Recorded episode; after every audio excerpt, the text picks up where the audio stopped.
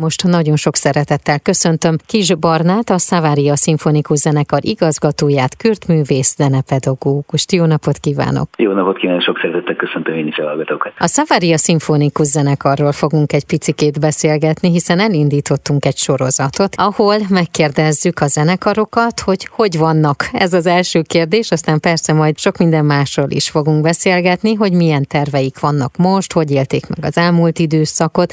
Szóval kezdjük azzal, hogy hogy vannak most, hogy van a Savaria Szimfonikus Zenekar? Köszönöm szépen a kérdést. Hát most elég pozitívan. Véget ért egy olyan időszak most számunkra, remélem, hogy örökre is nem csak átmenetileg, amikor ki voltunk zárva a saját koncerttermünkből, most visszaköltözhetünk ismét a Bartók terembe, ami nekünk próbatermünk, koncerttermünk gyakorlatilag az otthonunk, uh-huh. és várhatom most a március legvégén 31-én és hangversenyünket már itt mutatjuk be, és onnét kezdve remélem, hogy akkor most hosszú távra tervezhetünk ismét a saját helyszínünkön. Úgyhogy ez most egy elképesztően pozitív állapot. Milyen volt eddig az idei év? Kérdezem mindezt teljesen hátsó szándékkal, hiszen, hogyha jól tudom, akkor nemrég tértek haza Dubájból, ott volt koncert. Igen, szerencsénk volt, hogy ezt az időszakot sikerült azért tartalommal megtölteni, az év kezdete, hogy ez még normális volt. Tehát dolgoztunk a Bartók teremben, aztán megjött a rezsiköltségek változása, és hát a fenntartó javaslatra beköltöztünk Szombat egyetlen multifunkcionális kulturális helyére, az Agórában, ahol a színházzal, a rockkoncertekkel, stand-up estekkel párhuzamosan kellett megvalósítanunk koncerttevékenységünket uh-huh. próbákkal minden összehangolva. Úgyhogy ezért ez novembertől egészen mondom napjainkig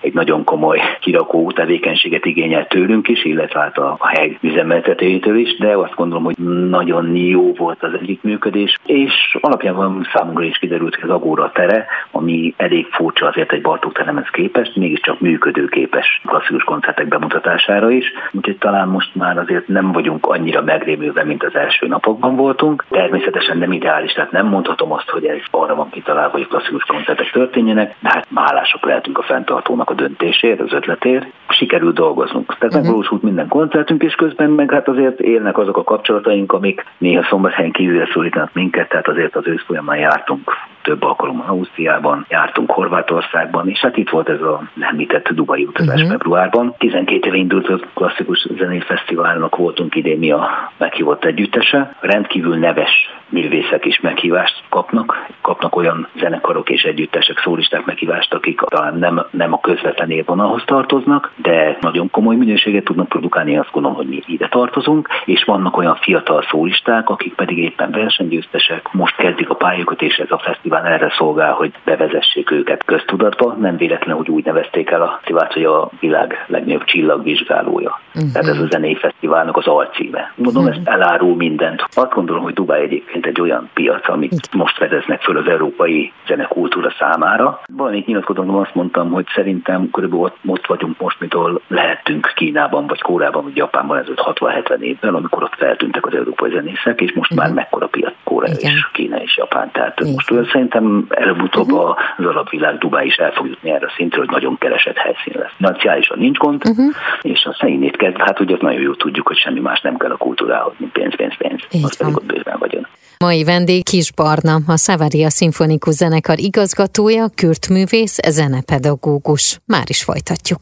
Mai vendég Kis Barna, a Savaria Szimfonikus Zenekar igazgatója, kürtművész, zenepedagógus. A Savaria Szimfonikus Zenekarról beszélgetünk, illetve a soron következő koncertjeikről folytatjuk. A Savaria Szimfonikus Zenekar, ugye ezt is olvashatjuk, a magyar zenei élet jelentős képviselőjévé vált az elmúlt évtizedekben, és élen jár a kortárs zeneművek bemutatásában. Én amikor ezt olvastam, ezt a mondatot, akkor az fogalmazódott meg bennem, hogy ez szerintem egy nagyon nagy felelősség és egy nagyon nagy feladat, hiszen egy kortárs zeneművet bemutatni és érteni, nem azt mondom, hogy teljesen más adottság vagy fül kell hozzá, mint mondjuk már egy több évszázada jelenlévő művet bemutatni, és hogy ehhez a közönség is kapcsolódik. Ugye a zenekarunk, amikor megalakult, 62-ben alakult meg hivatalosan a Szavári uh-huh. Mhm. a zenekar 74-ben lett hivatásos együttes Petró János vezetésével, és Petró János nagyon jó kapcsolat volt az akkori magyar zeneszerző társadalommal, és egészen a 90-es évekig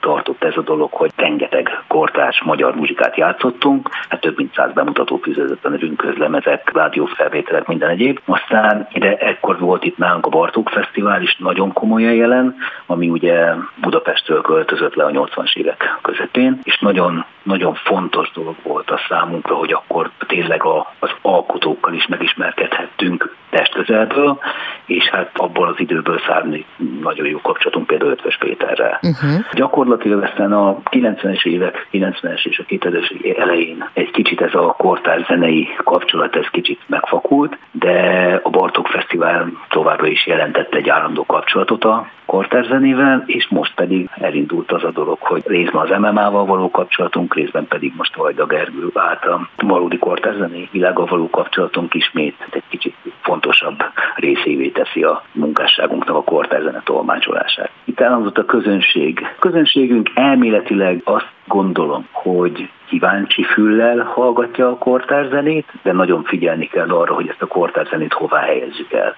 Uh-huh. Nem gondolom, hogy szerencsés dolog az, hogyha komplet koncerteket szentelünk csak kizárólagosan kortás muzsikának. Mi azt az elvet valljuk, hogy a kortás muzsikát be kell ágyazni klasszikus közegbe, természetesen harmonizálni kell a klasszikus közegnek az adott kortás muzsikával, és akkor ez így fogyasztható, és így nagyon jól tudjuk megismertetni ezeket a műveket. Tehát uh-huh. az idei évben is vannak ilyen hangversenyeink, most éppen legutóbb március 10-én volt egy olyan hangverseny, egy spanyol zeneszerző volt Énikel Urquiza, az ő uh-huh. hangszeres művét mutattuk be, Janta Dániel szólójával, francia karmesterrel dolgoztunk, francia impressionista zenék voltak, és közben volt beágyazva ez az Urquiza versenymű, és a közönség az teljes lelkesedéssel fogadta, abszolút uh-huh. kérdés, kérdés nem hangzott el részükről, hanem amikor kijöttek a szünetre, azt mondták, hogy milyen fantasztikus, milyen nagyszerű, milyen sokszínű, milyen változatos, mennyire érdekes. Azt gondolom, hogy ha így tudjuk tálalni a kortárzenét uh-huh. egy ilyen csomagban, akkor az mindenképpen siker tud lenni. Tehát itt fontos, hogy a, a művészek is szeressék,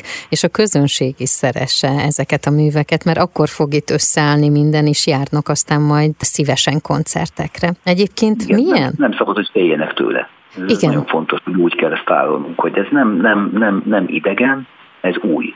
Uh-huh. Az újdonságot kell érezni, és az újdonságra kell rátenni a, hangsúlyt, hogy tudomásul kell venni, hogy annó, amikor Beethoven megérte a szimfóniát, ő is úgy uh-huh. irányba indult, hogy Stravinsky-nek hát hány darabig volt meg a bemutatókon. Így maga van. a Sákra megbukott, aztán, aztán érdekes módon az egyik leg, legjelentősebb 20. századi alkotás. Mai vendég Kis Barna, a Savaria Szimfonikus Zenekar igazgatója, kürtművész, zenepedagógus. Már is folytatjuk. A Savaria Szimfonikus Zenekar a magyar zenei élet jelentős képviselőjévé vált az elmúlt évtizedekben. A Savaria bérletsorozat március 31-i estjén a száz éve született Ligeti György emléke előtt tiszteleg a Bartók teremben Fejérvári Zoltán zongora művész közreműködésével. A zenekar egyik vezető karmestere Vajda Gergely vezényletével. Az estről, illetve a jövőbeni tervekről a zenekar igazgatójával, Kis Barnával beszélgetek. Folytassuk. Most már visszaköltözhetünk a Bartók terem, úgy szerencsére a Bartók teremben lesz. Hát ezen a koncerten bemutatunk egy olyan zenekari alkotást, koncertó romanesket Ligetitől, ahol a, a román koncertónak hívott a zenekari művében, hogy még a klasszikusabb hangzásképeket fogjuk megmutatni, természetesen már azért a ligeti érdekességek már ott is elhangzanak vannak hangszerelési dolgokban. Ezt követi a zongora versenye, amit Fehérvári Zoltán művész úrral fogunk elővezetni. Na, ez a darab, ez már egy teljesen tipikus ligeti, ligeti darab, ami arról szól, hogy itt már tényleg a matematikának, az átalakításoknak, transformálásoknak már rengeteg elemét megtapasztaljuk. Részese voltam a púvos próbának, amit Vajda Karnanyura hét elején megtartott. Hát van a kollégáknak mit keresni.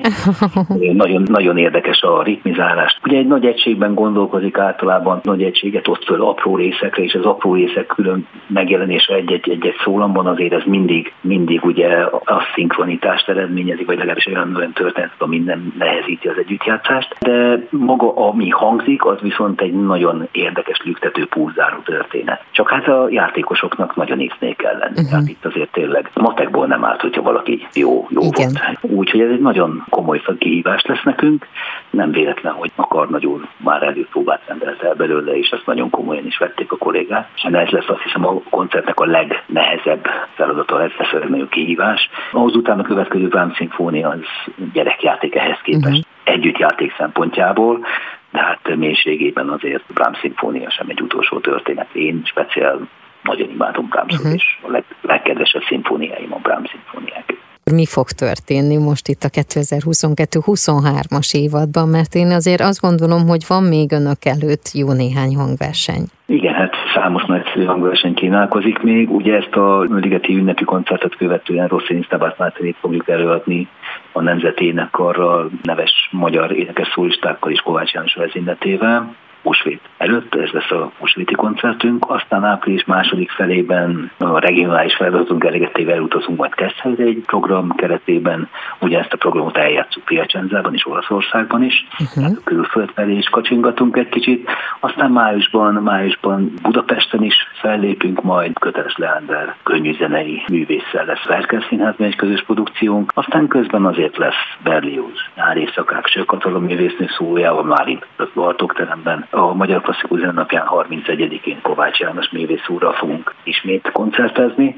Versenyű Kovács Zoltán Álomtáncok című klarinét versenye lesz egy szombathelyen tanult fantasztikus fiatal klarinétos jelenleg akadémiai uh-huh. Monkos lesz a szólistánk. Zenekarunknak évek óta hagyományosan van egy olyan rendezvénye, hogy a helyi konzervatóriummal adunk közös koncertet, van egy válogató, ahol a tehetséges gyerekek eljátszanak egy tételt, vagy egy, vagy egy teljes versenyművet, egy zsűri, egy szigorú zsűri, a zenekar művészekből uh-huh. a zsűri kiválaszt közülük egy 10-12 cséges fiatalt, és ők a szimfonikus zenekarra léphetnek föl egy gála koncert keretében, és Domonkos a tavalyi gála koncerten olyan minőségi produkciót nyújtott, hogy ebben a pillanatban azt mondtam, hogy őt nagyobb közösség elé is oda kell tenni, és hát így nagyon jól adta magát, hogy egy ilyen ünnepi koncerten ezt a művet eljárt, uh-huh. Kovács Zoltán Államtáncok című kompozícióját gondolom, hogy ez nagyszerű lökést az ilyen tehetséges fiataloknak. Úgyhogy sok-sok feladatunk lesz, és a, elvileg a szezont azt egy denevér bemutatóval szeretnénk majd zárni.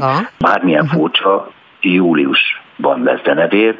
Hát legfeljebb most ez nem egy szilveszteri előadás lesz, a uh-huh. átalakítva, majd megpróbáljuk ezt máshová tenni Ábetlen András rendező úrral, majd okosan kitalálják a megoldást, és szintén a Magyar Állami Operáz énekeseinek közleműködésre fog ez megvalósulni Bajda Gergely vezényletével. Remélem, hogy sikerül szabadtéri helyszínt találni már a produkciónak, hiszen uh-huh. azért júliusban azt hiszem, hogy az már jó dolog, ha nyitott ég alatt játszhatunk. Izgalmas. Hogy sok-sok dolog Igen. Vár Mai vendég Kis Barna, a Szavária Szimfonikus Zenekar igazgatója, már is folytatjuk. A Szavária Szimfonikus Zenekar a magyar zenei élet jelentős képviselőjévé vált az elmúlt évtizedekben, amely élen jár a kortás zeneművek bemutatásában.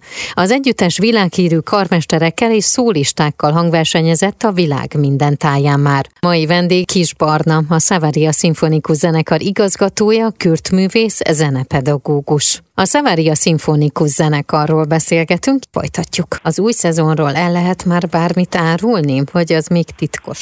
Nem, nem titkos, hát titkai nincsenek, hát igazából ugyanazt fogjuk csinálni, mint eddig. Tehát gyakorlatilag most volt a vezető vezetőkarmester úr hét alkalommal fog vezényelni, aki a Kovács János művész úr is, mellette a zenekarhoz régen kötődő karmestereket hívtunk most idén a bérletbe. Ugye tudni kell, hogy a Szavári Szimfonikus Zenekar, amit említettem, 74-ben vált profibá, tehát a 23-24-es mhm. szezon, vagy 25-ös szezon valamilyen szinten az 50. évadunkat jelentheti plusz-minuszban. Ezért igyekeztünk azt a megfogalmazni, olyan karmestereket, olyan művészeket meghívni, szólistákat, karmestereket, akik kötődnek és kötöttek a zenekarhoz hosszabb ideig. Zsaki Masairo karmester, aki volt vezetőkarmester, vagy Robert Hulian ír karmester, aki szintén volt hosszú évekig a zenekar vezetője. Ő már meghívást nyert következő uh-huh. szezonra. A program az hasonlóképpen változásnak ígérkezik, mint eddig. Klasszikustól indult egészen napjainkig terjed majd az a paletta, ami uh-huh. muzsikálunk. Azt hiszem, hogy súlyozottan egy kicsivel azért több lesz a 20.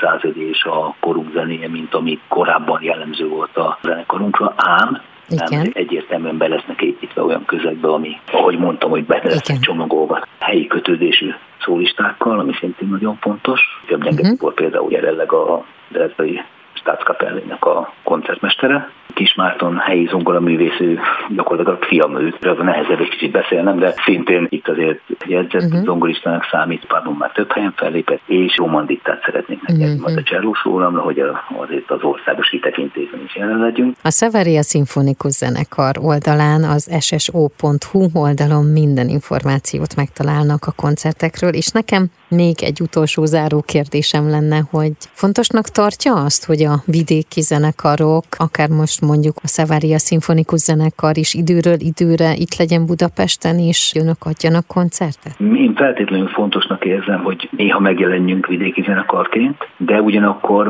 meg azt gondolom, hogy Budapesten nagyon komoly, nagyon komoly kínálat van szimfonikus együttesekből. És ugye ez egy furcsa kettősség, tehát hogyha egy piacot veszünk figyelembe, ahol telítve van a piacot, nagyon nehéz kikönyökölni a magad helyét. Én nem hiszem, hogy nekünk feltétlenül az kell, hogy az életcélunk legyen, hogy nekünk Budapesten olyan hatalmas nagy buszunk legyen. Uh-huh. Azt gondolom, egy vidéki együttesnek az lenne az igazán fontos feladata, hogy, hogy a saját régiójában rendkívül széles körűen terjeszt uh-huh. a szimfonikus kultúrát, ami, amire szerződött én, én sokkal jobban hiszek abban, hogy nem véletlen, hogy az országban úgy alakult ki valamiért a hagyományos rendszer, hogy a körbe megyünk, hogy van hat nemzeti kategóriás vidéki zenekar, gyönyörűen lefedve az ország minden külső területét, és középen pedig ott van Budapest, ahol a mi megoldó, én azt hiszem, hogy valahogy ezen a vonalon kéne elindulnunk, hogy ezek a vidéki együttesek, a vidéki nemzeti kategóriás zenekarok megkapják azokat a lehetőségeket, hogy az adott régióban, az adott, adott durván 800-900 millió embert elérve